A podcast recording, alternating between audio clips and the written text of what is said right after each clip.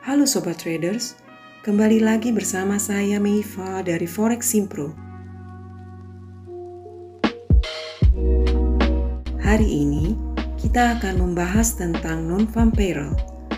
NFP atau biasa disebut juga non-farm payrolls Amerika Serikat atau non-farm employment change merupakan salah satu dari sekian banyak data ekonomi yang high impact atau big figure yang ditunggu-tunggu rilisnya oleh para pelaku pasar, yakni investor dan traders.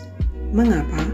Karena saat data ini dirilis, harga pasar khususnya forex biasanya bergerak sangat volatil dan signifikan.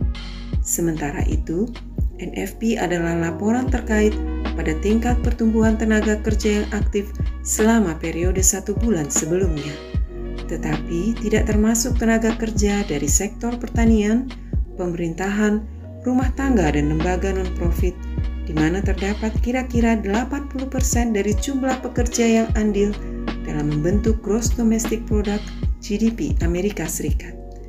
Laporan ini dibuat oleh US Bureau of Labor Statistics pada hari Jumat minggu pertama awal bulan pada pukul 19.30 waktu Indonesia bagian Barat setiap bulannya. Jadi, jika semakin banyak jumlah tenaga kerja, kondisi ekonomi akan semakin stabil dan semakin banyak yang dapat dihasilkan. Dengan begitu, pengeluaran konsumen secara keseluruhan akan naik. Sobat traders, rilis NFP merupakan momen yang sangat ditunggu-tunggu oleh traders, sebab data NFP pada umumnya langsung berdampak besar pada pasar modal, nilai tukar uang, dan harga emas, sehingga bisa mengakibatkan gejolak harga dan membuka peluang open market atau trading forex khususnya pada major pair dengan potensi profit yang menguntungkan.